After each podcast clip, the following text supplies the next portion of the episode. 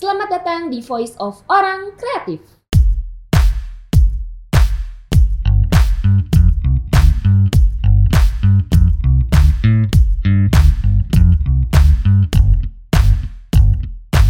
Bersama aku Vina Silmi dan kali ini kita akan ngobrol-ngobrol dengan Ketua Umum ICCN Indonesia Creative Cities Network bernama Kang Vicky Satari. Yang mana beliau adalah mentor aku dari lama dan kayak udah kenal aku dari kecil gitu.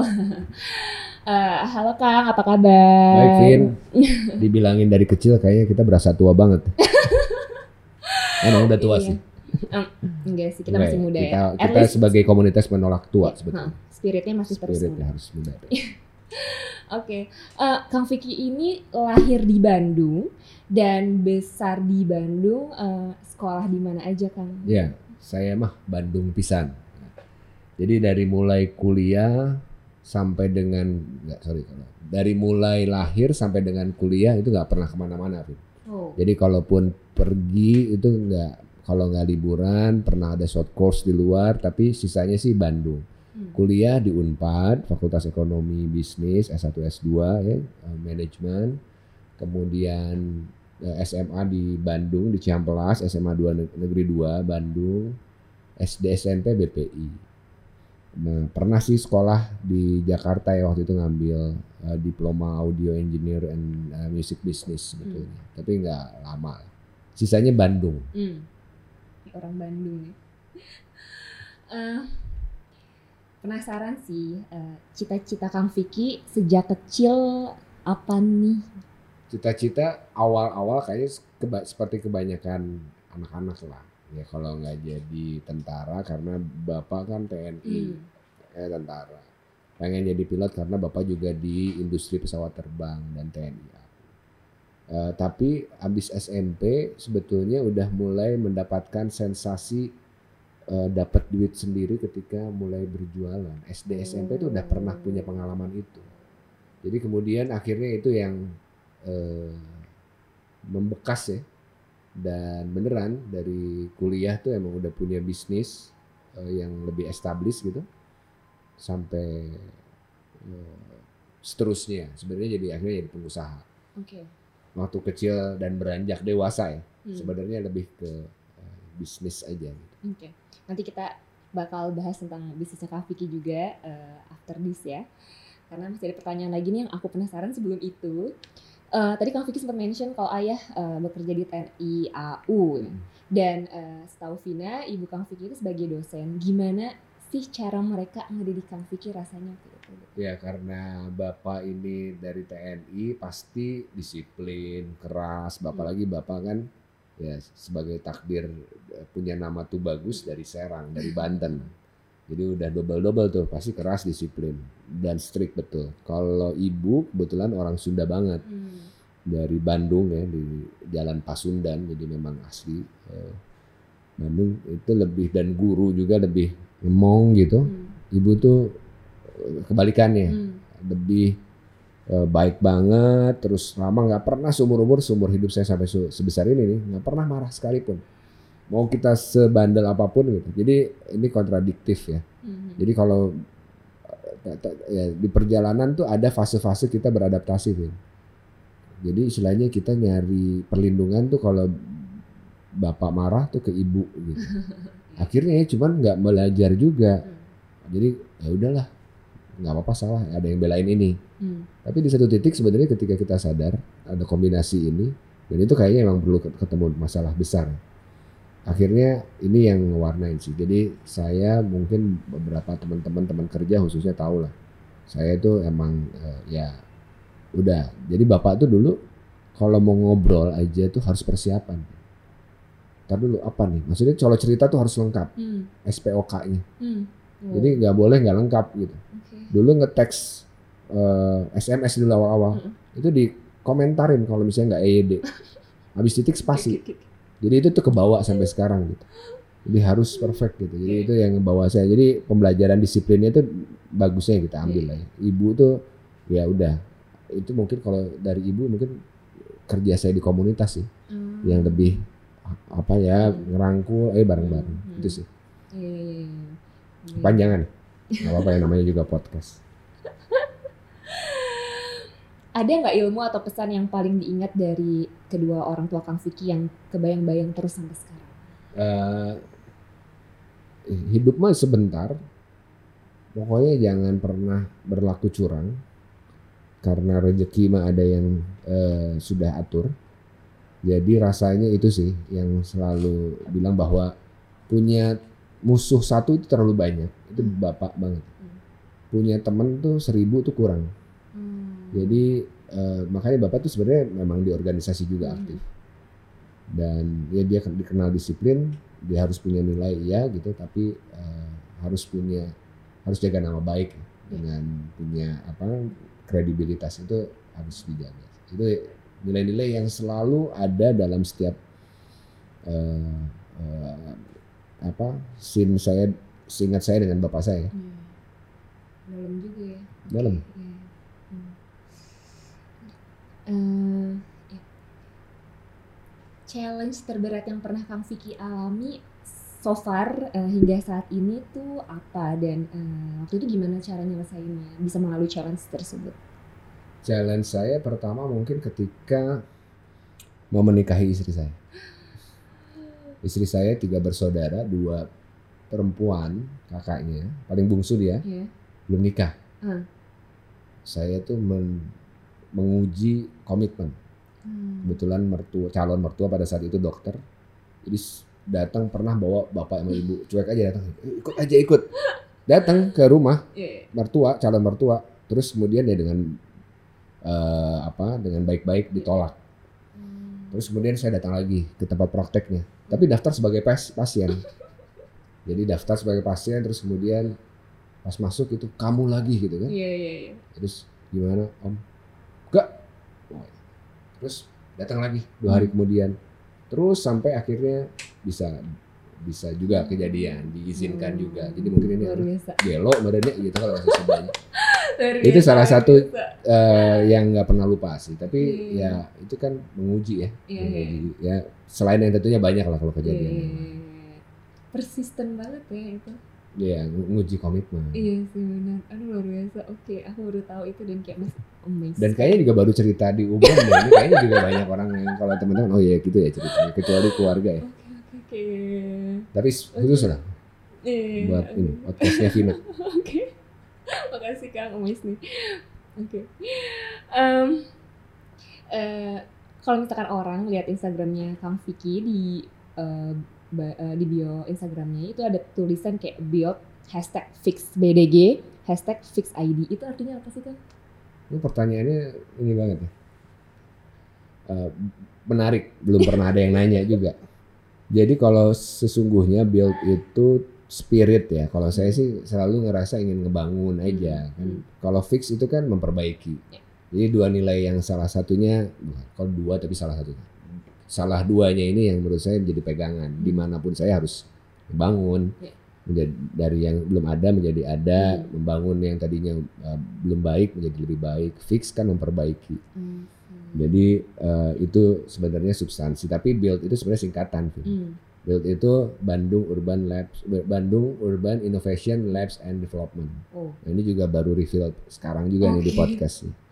Jadi saya pun pernah punya mimpi Hmm. ngebangun Bandung uh, dengan laboratorium yang sebetulnya demokrasi pendekatannya. Artinya di Bandung itu banyak sekali studio kreatif, komunitas kreatifnya, kreatif hubnya banyak lah ruang-ruang Hmm. kreatif. Ya sebenarnya kita nggak perlu bikin baru lagi, Hmm. kita sinergikan jadi laboratorium besar, jadi kapal induknya laboratorium kreatif Bandung. Salah satunya itu. Hmm. Kalau fix sebetulnya dulu saya pernah punya cita-cita jadi calon wali kota. Hmm. Nah kita punya tagline-nya fix BDG. Ya. Fix. Kenapa fix? Fix itu sebetulnya kalau lihat eh, apa logotype-nya Vin itu ditulisnya pakai F I X sebetulnya. IX 19. Jadi eh 18 1 X ya. Jadi 9 sebenarnya. Hmm.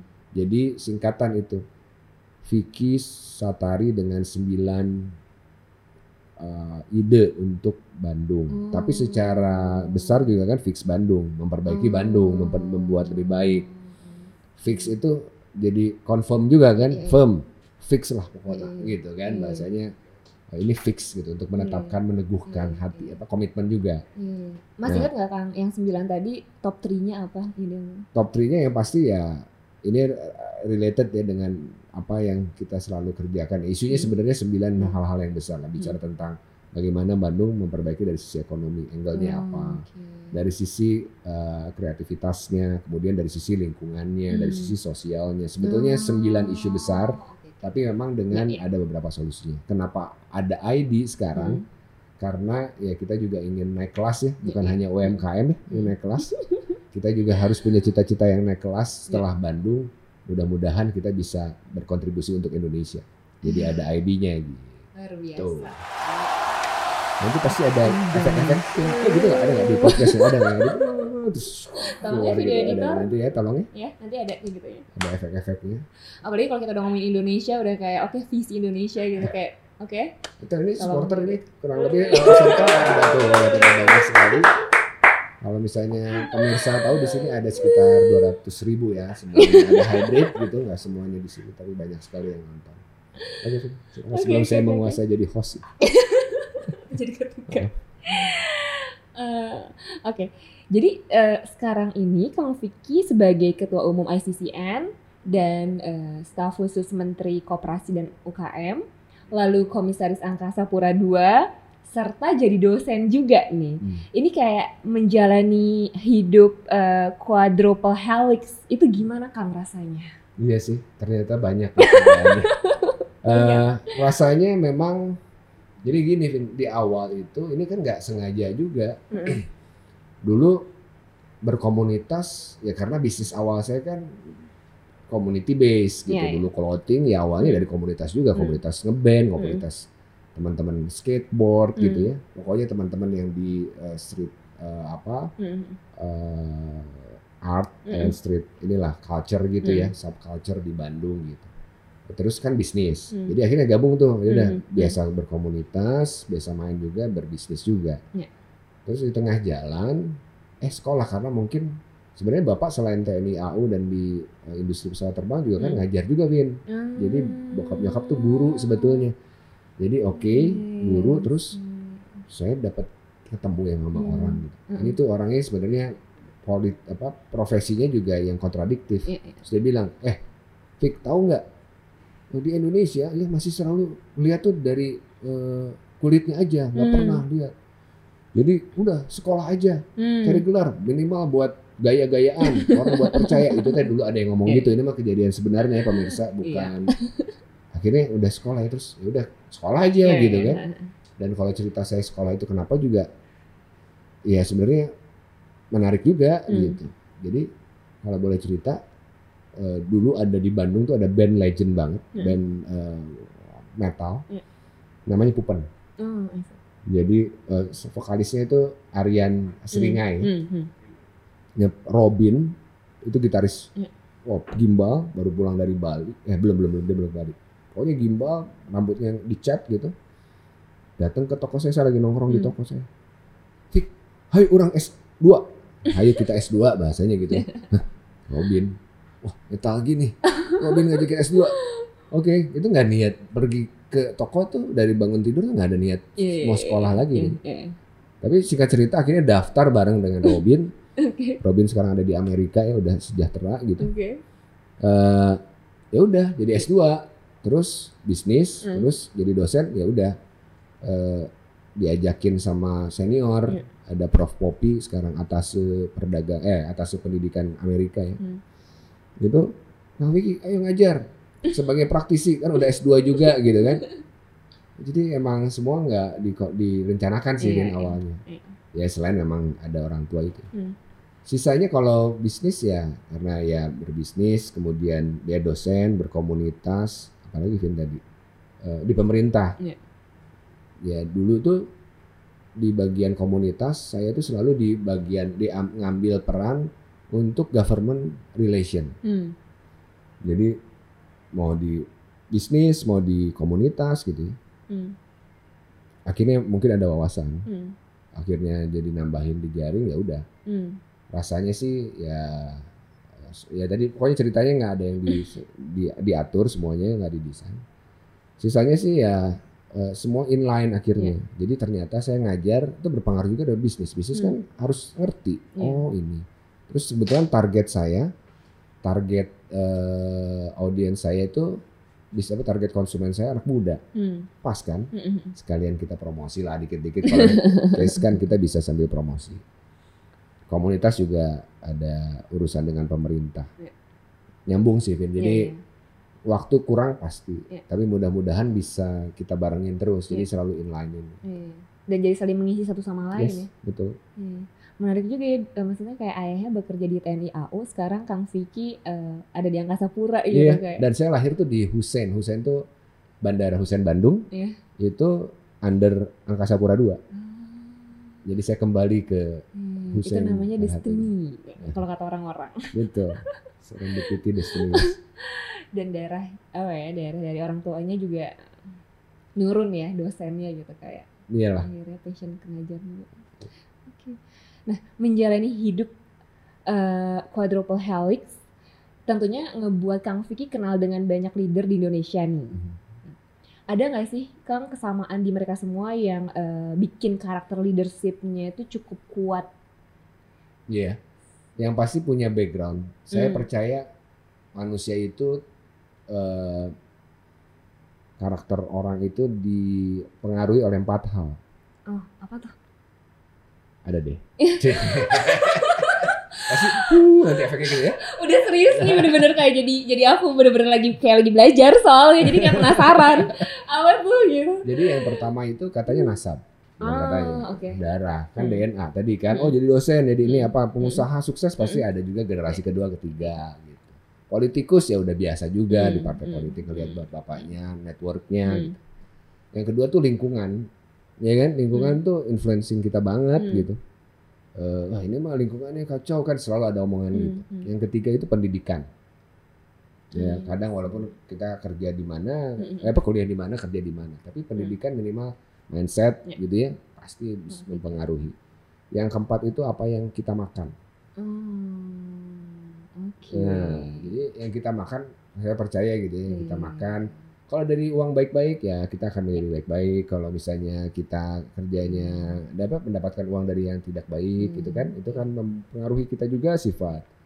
Atau minimal ya eh, ya yang baik-baik aja lah makan lah gitu. Hmm. Kan gitu. Orang makannya yang nggak sehat, wah terus kemudian kolesterol tinggi, darah tinggi, terus jadi temperamen itu kan mempengaruhi juga ya nggak sih? Iya. Eh, yang sehat-sehat ya jadi Iya, lebih iya. kalau Baik terus tapi ya kalau misalnya terlalu sehat juga akhirnya juga ya nggak bersemangat juga jangan juga jadi menurut saya leader-leader yang ada yang Hmm. hebat-hebat di Indonesia saya banyak belajar kenal banyak enggak Vin tapi yang penting eh, bukan yang penting buat saya yang paling berharga itu kenal dengan baik gitu Hmm. Kualitasnya. Hmm. yang saya kenal eh, beberapa walaupun dekat eh, enggaknya kan tergantung juga relatif ya. Hmm. kalau saya sih pengennya ngak ngakunya oh saya deket banget nih sama para ini Hmm, gitu. Pejabat-pejabat. Tapi buat saya yang penting kita dapat belajar sih. Oke nggak jawaban? Oke. Eh sorry, mic-nya sampai kegeser nih gara-gara spe- speechless. Oke. Eh, ada sosok atau tokoh yang dikagumi dan menginspirasi hidup Kang Vicky nggak? Eh, kalau kalau ada itu eh, siapa dan kenapa? Iya.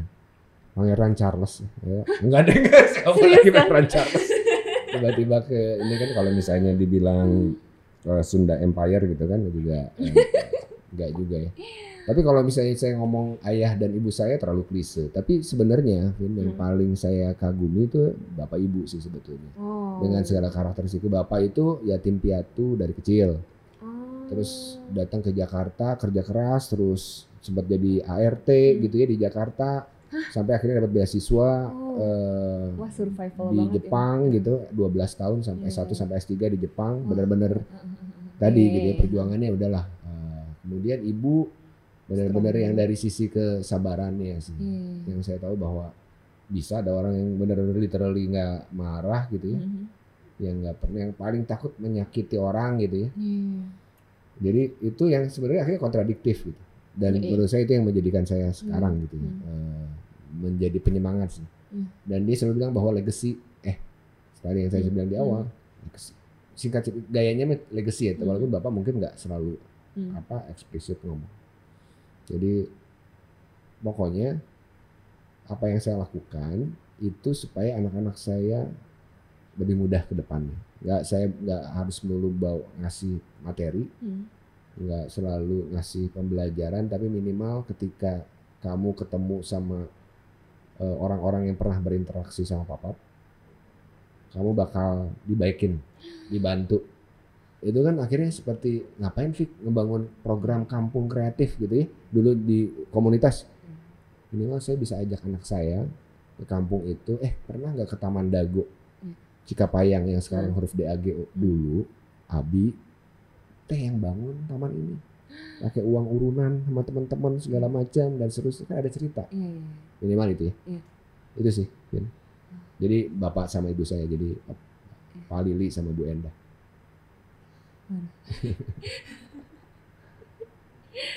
Aku deg-degan nih mau nanya pertanyaan-pertanyaan selanjutnya. Ya ini saya ternyata ini ya. Jawabannya banyak yang bikin berpotensi juga. Ini biasanya ditanya ini UMKM lagi, UMKM lagi. Atau kreatif. Oke. Eh, menurut Kang Vicky nih, eh, passion itu apa sih Kang? Saya pernah bisnis fashion sebenarnya Hmm. dulu di Bandung. Hmm. Itu fashion. Oh, itu fashion. Jadi itu nanti ada sound effect lagi. Eh, ya mengerjakan apa yang apa yang kita sukai sih sebetulnya. Hmm. Eh, ngerjainnya. Jadi gini kalau saya di satu titik ya kan, Hmm.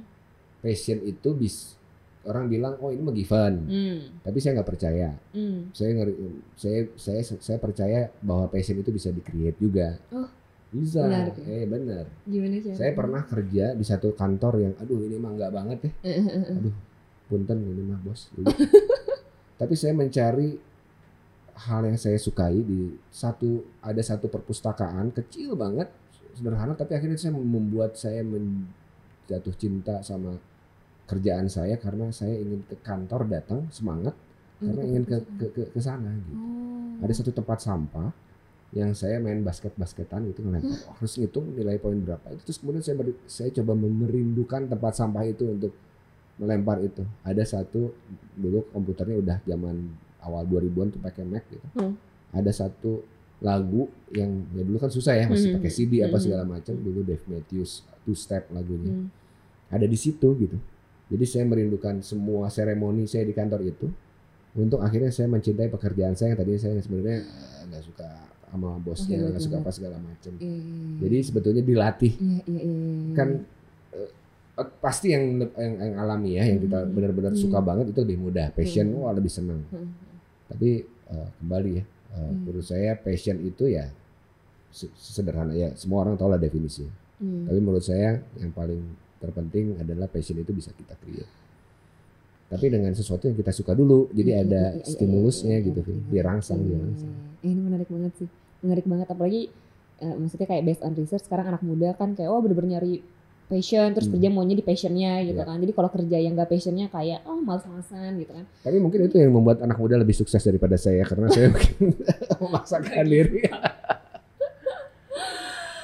tapi maksudnya kan nggak even maksudnya kayak oke kita passionate sama suatu hal terus kita berkarir di industri itu karena kita passionate di situ. Tapi nggak semua hal yang kita kerjakan di di eh, nggak semua hal eh, yang harus kita kerjakan di pekerjaan itu sebenarnya bikin kita seneng juga. Kan pasti ada aja Iya. gitu yang bikin kita nggak senengnya gitu kan. Bener. tapi ketika kita bisa menemukan hal yang menyenangkannya itu jadi hal yang nggak senengnya jadinya eh, ya udahlah. iya bisa dikalahkan gitu kan. Nah itu yang priceless menurut aku kayak eh, oke dari de- oke lo udah ap- apalagi kalau misalnya udah eh, punya privilege untuk masuk ke industri yang dia passion ya tapi kalau misalkan ternyata ada job base yang dia nggak suka di situ tapi memang harus dikerjakan ya udah kerjain aja gitu toh memang ada hal yang dia sukanya di situ kan gitu Benar. Dan, Dan- dulu nggak pernah kebayang juga ngurusin, wah jadi pembicara ekonomi karena dulu mah ya saya waktu SMA, SM ditanya sama ibu saya, kamu cita-citanya apa? Kuliah di mana? Gak mau kuliah. Pengennya main band. Hmm. Gak mau dulu mah gak mau kuliah main band. Hmm. Makanya saya sekolah diploma audio engineer itu ya udah sekalian aja sekolah Hmm. biar kerjanya di musik Hmm. gitu. Ini garis tangan ya jadi tukang kaos dulu. Hmm. Jadi nggak jadi artis. Gitu. Hmm. Boleh Kang diceritain uh, awal masuk ke dunia industri kreatif uh, gimana? Industri kreatif, uh, kan indu, kalau kreatif itu bicara dua, gitu. Ya. Ada produknya, Hmm. ada model bisnisnya, Oke. caranya. Ya. Ya. Kan MLM juga menurut saya mah kreatif. Ya. Wah, ada ribuan orang anggota multi level marketing tanpa digaji terus jualannya tuh wah, dengan penuh seperti syiar agama kan ada. Hmm. Itu kan salah satu. Ya. Saya ketemunya bukan beruntung ya. Saya ketemunya cepet banget dengan Hmm. jualan kreatif. Eh, itu SD. Saya pernah. Jadi bapak karena di industri penerbangan TNI Iya, AU sering pergi Hmm. ke mana pabrik-pabrik pesawat, terus Mhm. oleh-olehnya yang murah meriah itu kan stiker merchandise. kan. Oh, Karena banyak ya, oh ada satu tipe jenis pesawat stiker diambil Hmm. banyak. gitu. Jadi akhirnya ketika bawa pulang ke rumah, oleh-olehnya itu banyak satu Hmm. jenis stiker. Terus ngapain saya nempelin banyak-banyak kan Hmm. satu gambar gitu. Akhirnya saya bawa ke sekolah, saya Hmm. mulai jualan walaupun Hmm. waktu itu barter. Satu stik apa misalnya satu stiker, satu poster, flyer apa segala macam gitu ya, Hmm. gambar-gambar pesawat. Mhm. Itu dibarter sama minuman Mhm. eh, apa ringan, ada Hmm. jajanan di Hmm. kantin Hmm. gitu. Awal tuh udah.